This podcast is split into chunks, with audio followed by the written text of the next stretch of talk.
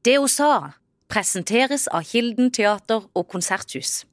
Og revisjon, advokat og rådgivningsselskapet PwC.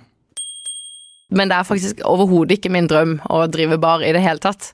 Jeg gjorde det faktisk fordi jeg ville sitte der og drikke vin. På det stedet vil jeg drikke god vin. Hvem skal fikse det? Meg. Greit. Opp med armene og gjør det.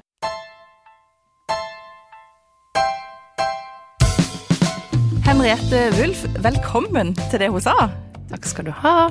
Du er invitert til podkasten vår fordi du driver det som heter Vinbaren på Mølla på Grim.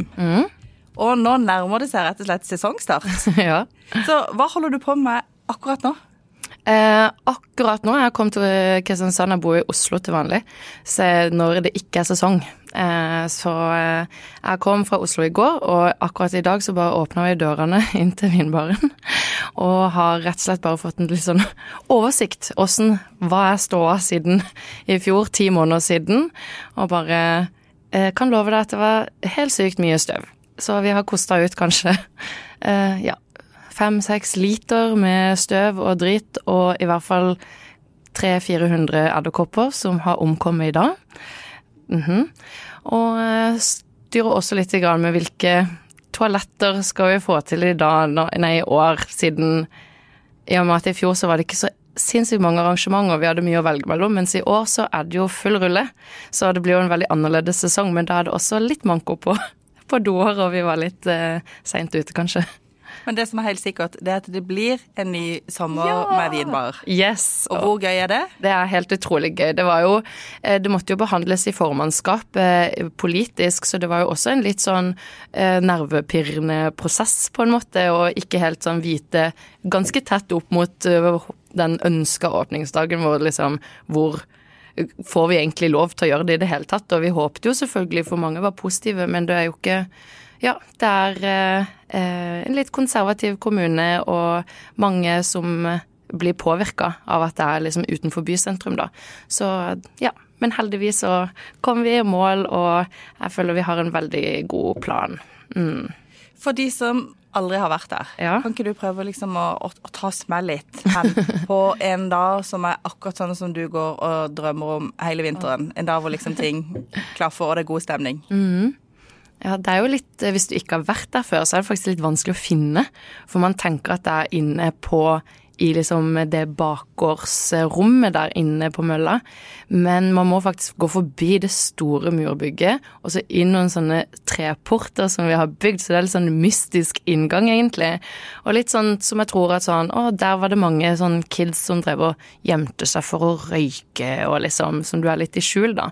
Så det er rett ved siden av bekken, så kommer du inn, det, som gikk fra det gamle møllevannet, eh, som jeg tror faktisk liksom ga elektrisitet til, til selve mølledriften, da. Eh, og der kommer du inn, og det er bare så frodig.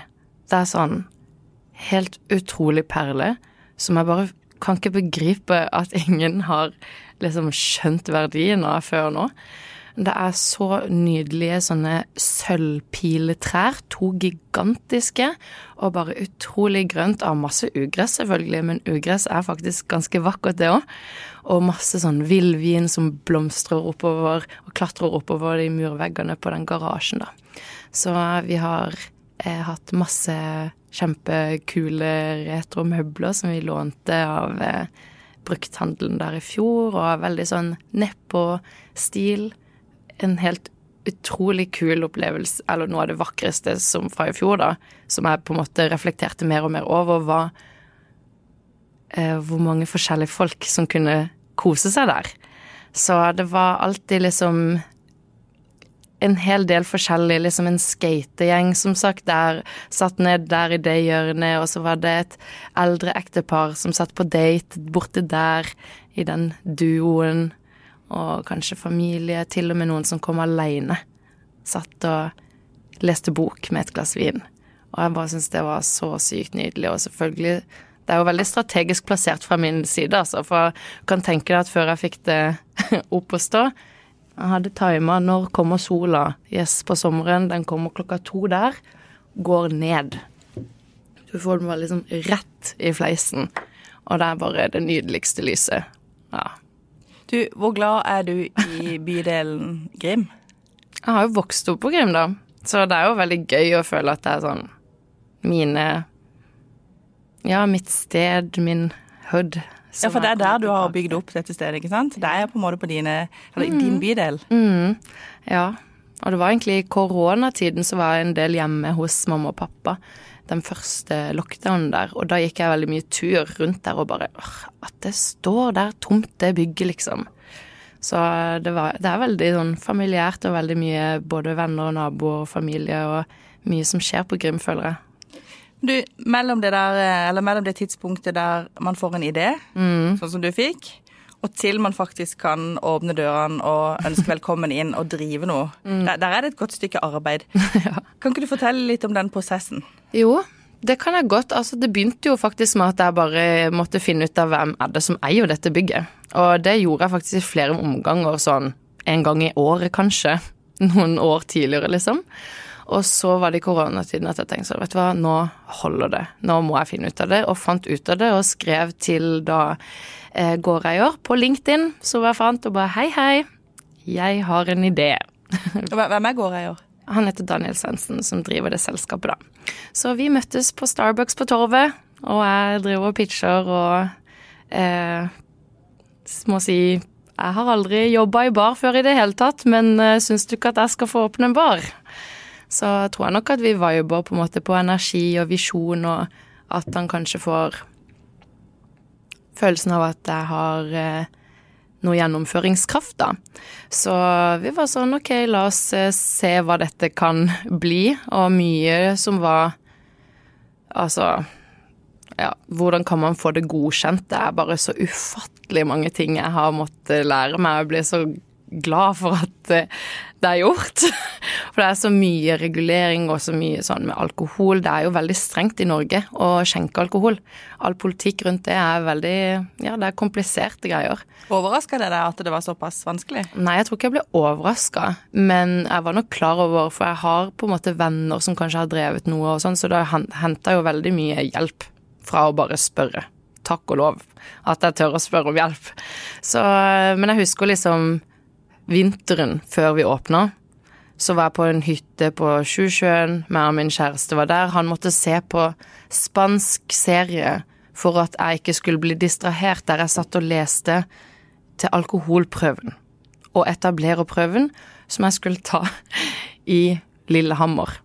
For der var det ledig tid. Så der satt jeg altså og pugga. Hva har du lov til å skjenke på et fly? Ok, det må jeg vite for å få lov til å gjøre dette, liksom. Så det var mye rart å sette seg inn i. Men hva kunne du fra før, eller hva har du drevet med før du begynte med dette?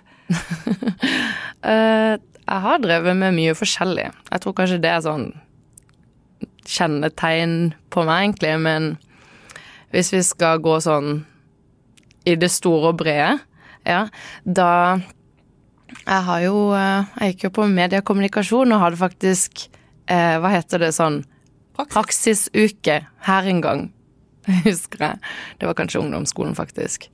Eh, men jeg flytta til Oslo rett etter videregående og har faktisk bachelor i kriminologi. Det var der jeg starta, og så har jeg tatt en utdannelse i moderne prosjektledelse og ledelse. Eh, deretter eh, så jobba jeg i eh, et design- og kommunikasjonsbyrå som prosjektleder i eh, fire år, og jobba mye med strategi og forretningsutvikling, eh, som i, mye i på en måte startup-scenen i Oslo. Eh, hadde jo da også, selv om du jobber med strategi og kommunikasjon, så får du en så stor variasjon av kunder da, og ulike caser, så man gjennom der òg tror jeg nok jeg har blitt trent til å kunne sette meg inn i nye ting kjapt, da, og være litt uredd i det. Men Hvor gøy var det da å, å bruke den kunnskapen og erfaringen når du skulle starte opp ditt eget? Jo, det var Det var jeg tror, jeg tror nok at det viktigste og liksom sånn Det kjennetegnet gjennom hele karrieren, på en måte, så langt i hvert fall, har vært det der at jeg får flytta ting fra A til B. Jeg, gir, jeg finner ut av hvordan hvordan løser jeg denne problemstillingen, hva er det egentlig jeg må finne ut av? Eh, så jeg har egentlig landa veldig komfortabelt i å kalle, at, kalle, meg selv en prosjektleder i hjertet. Jeg er liksom jeg er god på å eh, Og jeg liker veldig godt å se at jeg driver ting og prosesser og mennesker fremover, da. Så eh, det har vært veldig hjelpsomt. Og, men etter jeg jobba i det byrået der, så bestemte jeg meg for å faktisk ta en mastergrad. Og det gjorde jeg de to siste årene i sosialt entreprenørskap. Eh, samtidig som jeg jobba med lederutvikling. Det blir sånn utrolig rart å bare nevne så utrolig bredde i de tingene jeg har gjort. Men jeg har også jobba mange år som makeupartist. Det er en, en, helt annen sånn måte å være kreativ på, da. Men er det noen rød tråd gjennom de tingene du har gjort. Det er kanskje det å være kreativ som er den der driveren hos deg, da? Ja, altså jeg føler jo at det er veldig mye kreativitet i det å gjøre mye administrativt, faktisk. Fordi eh, det handler ofte om det sånn ok, hvordan løser man dette problemet? Eller hvordan angår man i møte med en situasjon? Og jeg føler for min del at det handler veldig mye om det å være kreativ, men jeg har ikke sånn oh, jeg vil liksom male eller skrive dikt eller Jeg skjønner at du klarer å skape et, et, et flott sted å være, et gøy sted mm. å være, og noe som definitivt tilfører byen noe. Mm. Men, men åssen er det det der med å skulle tjene penger på det? Får du mm. til det? Jeg føler at det, har, det, henger veldig tett sammen, da. Sånn som uh, på Vinbaren så føler jeg at her er det et potensial for å tjene penger, men i fjoråret er på en måte ikke et realistisk regnskap. Det var veldig mye uh, frivillighet der. Veldig mye foreldre og kjærester som var med, og eh, ja, rett og slett et litt urealistisk regnskap, da. Eh, men jeg tror absolutt at det er mulig eh, at, jeg, at, jeg, får det til. Jeg har faktisk reflektert litt over det eh, rundt Jeg føler at det har vært litt sånn eh, i hvert fall i mitt miljø, da, snakke om på en måte kvinnelig lederskap og feministisk lederskap eh, med feminine verdier. Og så føler jeg at eh, ja, det resonnerer med hva betyr det for meg, osv. Mens jeg syns det har vært litt spennende å reflektere rundt hva eh, litt sånn feminin eh, forretningsbygging, altså det å utvikle business. Eh, og det har jeg trivdes veldig godt med, fordi at for meg så handler det mye om partnerskap, da. Å skape gode relasjoner som er sånn Disse kan vare, istedenfor å skulle mm, tjene inn liksom en liten ekstra sum der, for eksempel heller tenke at jeg har lyst til at alle involverte parter skal ha kjempelyst til å være i denne relasjonen. Du Henriette, når du er ute og reiser, hva slags steder liker du å gå på sjøl? Oh. Jeg liker jo kjempegodt å spise masse deilig mat og god drikke. Så det pleier jeg ofte å prioritere.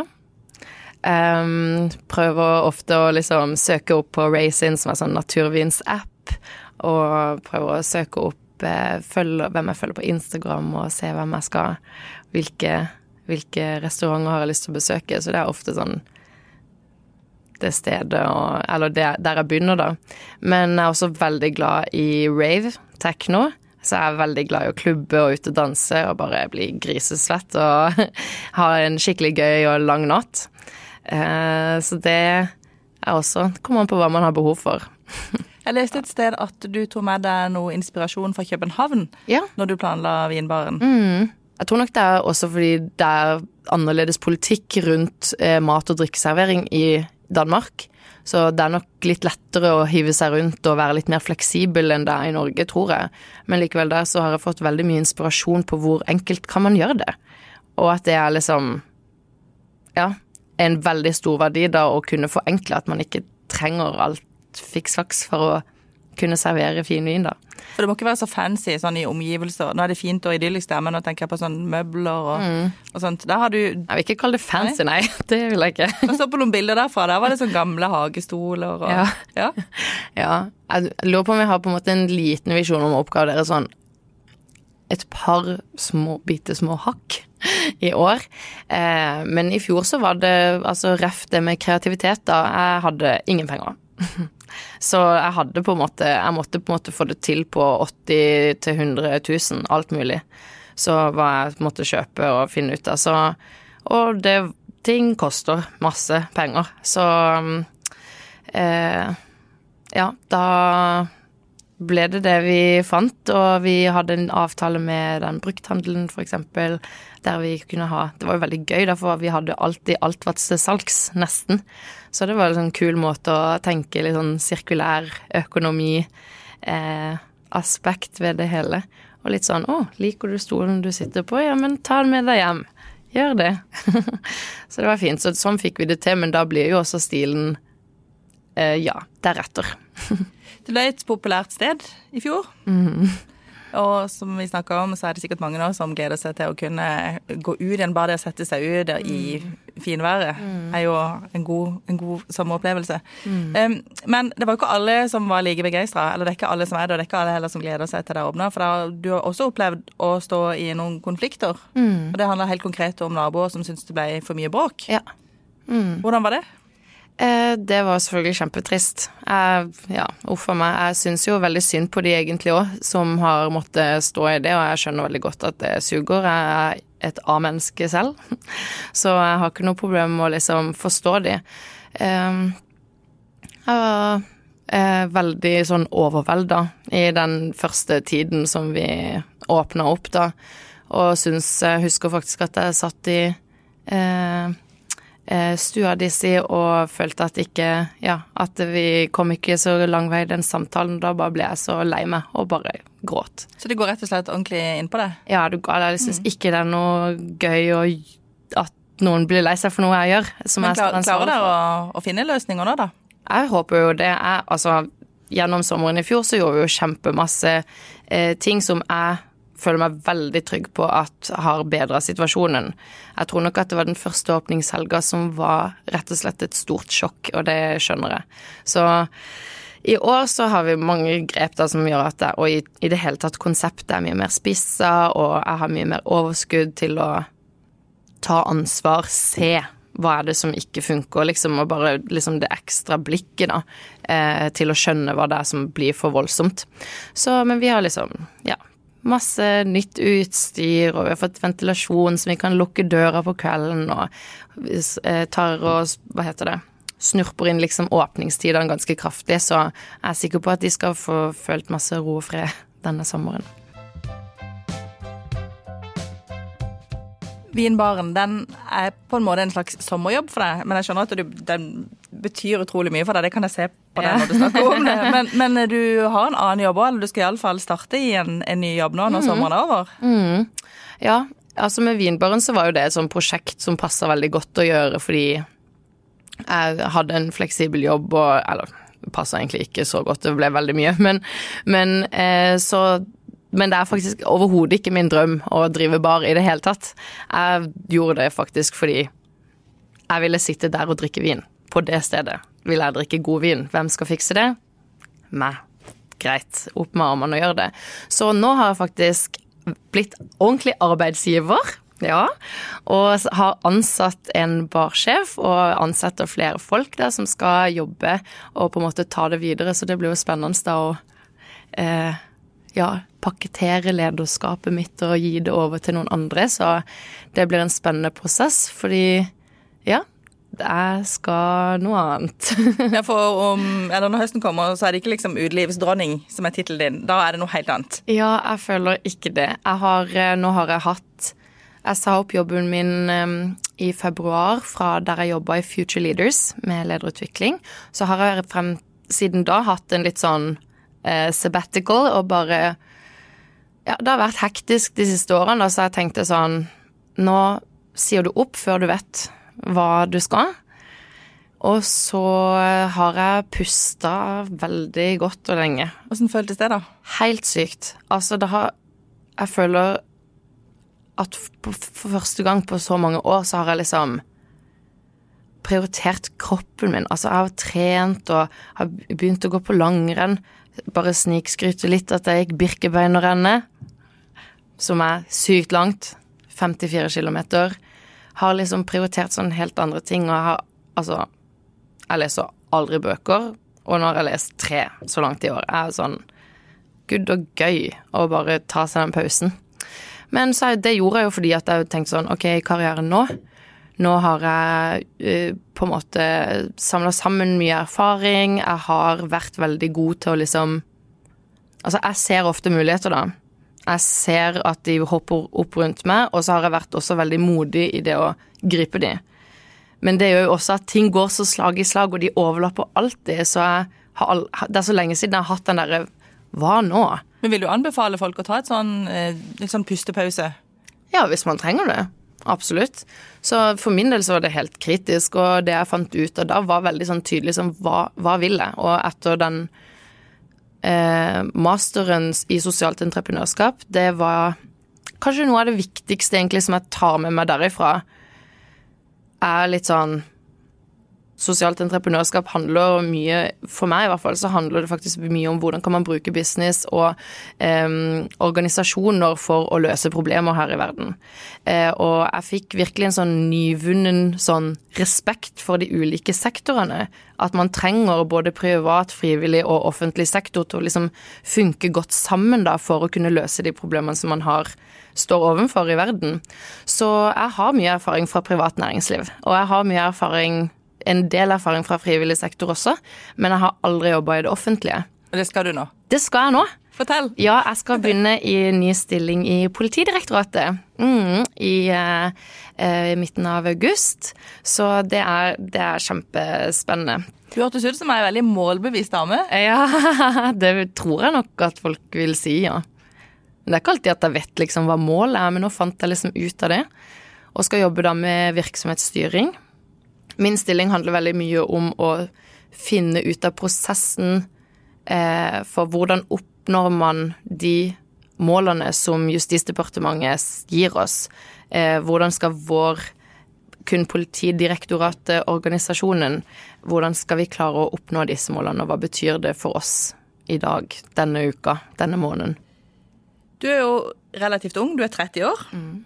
Og så har du jo, eller sitter du og forteller her om veldig mange ting du har drevet med. Du har allerede klart å få erfaring fra mange bransjer. Til de som hører på, som sjøl drømmer om å starte noe, mm. hvilke råd vil du gi? Jeg tror i hvert fall at det er veldig viktig at man vil det veldig mye. Eh, for det er jo ofte veldig mye jobb. Og er, jeg har tenkt egentlig i veldig mange år at det å være gründer, det er jo i hvert fall ikke for meg. I hvert fall fordi jeg har jobba med så mange gründere. Som prosjektleder i dette byrået, så har jeg sett sånn Det der er ikke for meg. Og jeg tror det som skremte meg med å være gründer, er at du må virkelig fokusere all tiden du har, inn i ett prosjekt. For det, det er sykt mye som skal finnes ut av, og man må virkelig bare gå så inn i det med hele liksom, hjertet og sjelen, da. Så jeg tror nok at uh, man er nødt til å finne hvis man skal starte noe sjøl, så må man i hvert fall vite at man ønsker det, og få til den tingen. At man har motivasjon, sånn indre driv, da. Eh, det tror jeg i hvert fall er kjempe, kjempeviktig. Og det er litt, kanskje litt rart at jeg sier det, i og med at jeg ikke drømmer om å drive bar videre. Eh, men jeg tror at jeg har en en egeninteresse i det å få til en prosess likevel. Så her var det noe som jeg syns sånn Byen fortjener det, bygget fortjener det, vi fortjener å sitte der og drikke den vinen, og da var det på en måte nok motivasjon for meg, tror jeg. At liksom Jeg syns det er kult å bare få til prosessen. Så det er kanskje min motivasjon i det. Så var det litt tilfeldig kanskje at det ble vinbar. Vi har noen faste poster, ja. og den ene handler om at du skal få lov å fremsnakke noen. Mm. Har du tenkt litt på hvem du har lyst til å nevne? Den første som jeg hadde lyst til å fremsnakke, er faktisk uh, at jeg kjente at jeg skulle slå et slag for monarkiet. Såpass? Kongefamilien. Ja. De syns jeg er noen kule folk. Eh, og det er litt sånn der, Det er jo litt sånn hårsårt for noen, eller liksom litt betent, kanskje. Eh, noen er jo, syns jo det er en helt elendig idé å ha monarki. Eh, men jeg syns at det er gode forbilder. Eh, og enn så lenge som man har gode forbilder som kongefamilien, så syns jeg at eh, eh, Ja, jeg syns at de gjør en skikkelig, skikkelig god jobb med å ja, gjøre Norge til et åpent og aksepterende, eh, jordnært, kjærlig sted. Og det syns jeg er veldig viktig, og de har noen store, viktige rollemodeller, syns jeg. Ellers har jeg helt ufattelig mange i mitt nære nettverk eh, som jeg åh, kunne skrevet en utrolig lang liste, men jeg har altså gjennom tiden jeg har så mange ekstremt eh, dyktige både jenter og gutter som er så kloke, så kjærlige, så åpne. Skal du nevne noen eh, navn? Ja, jeg vil gjerne nevne eh, Elin Nørve, min gamle sjef, som var da gründer av Future Leaders. Eh, en helt utrolig imponerende dame, som jeg også har fått gleden av å jobbe mye tettere med. Det har vært kjempegøy. Maria Katarina Tyssebotn Mikkelsen, langt navn. Eh, hun er nå blitt daglig leder av et sted som heter Hos Arne, eh, og gjør det på en Det heter Hos Arne av det er et på en måte et galleri og event space basert på Arne Næss sin filosofi som er helt utrolig nydelig å koble sammen med samfunn og kunst, syns jeg. Eh, min venninne Anine Karp, som også driver et co-working space for eh, kreativ næring i Oslo, gjør utrolig mye for det kreative community i Oslo, og er rett og slett bare en ufattelig driftig dame. Eh, Henriette, det er et, um, et, en post igjen. Mm. Og det handler om om det er et ord og uttrykk du har lyst til å kvitte deg med. ja, den var så sykt vanskelig. Men det jeg tenkte på, var ordet egentlig.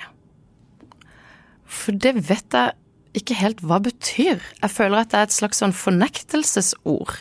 Når er det man bruker det, og hvordan er det man liksom oversetter det? At man sier sånn Jeg har egentlig lyst til, til å gjøre det. Så sånn Hva mener du med egentlig? Så det er sånn Hm. Og av og til så føles det veldig riktig å bruke det ordet, men jeg bare lurer på hva er det egentlig det gir? Da sa jeg det. Hva er det egentlig det gir? Vet du hva, vi kvitter oss med egentlig. Her og nå. Så Henriette Wulf, tusen takk for at du ville komme til det hun sa. Tusen takk for meg, det var gøy. du har lytta til Federlandsvennens podkast Det hun sa med Birgitte Klekken. Har du tips til andre bra damer vi bør snakke med, eller har du lyst til å dele inspirerende erfaringer fra ditt arbeidsliv? Ta kontakt på dethosa1fun.no.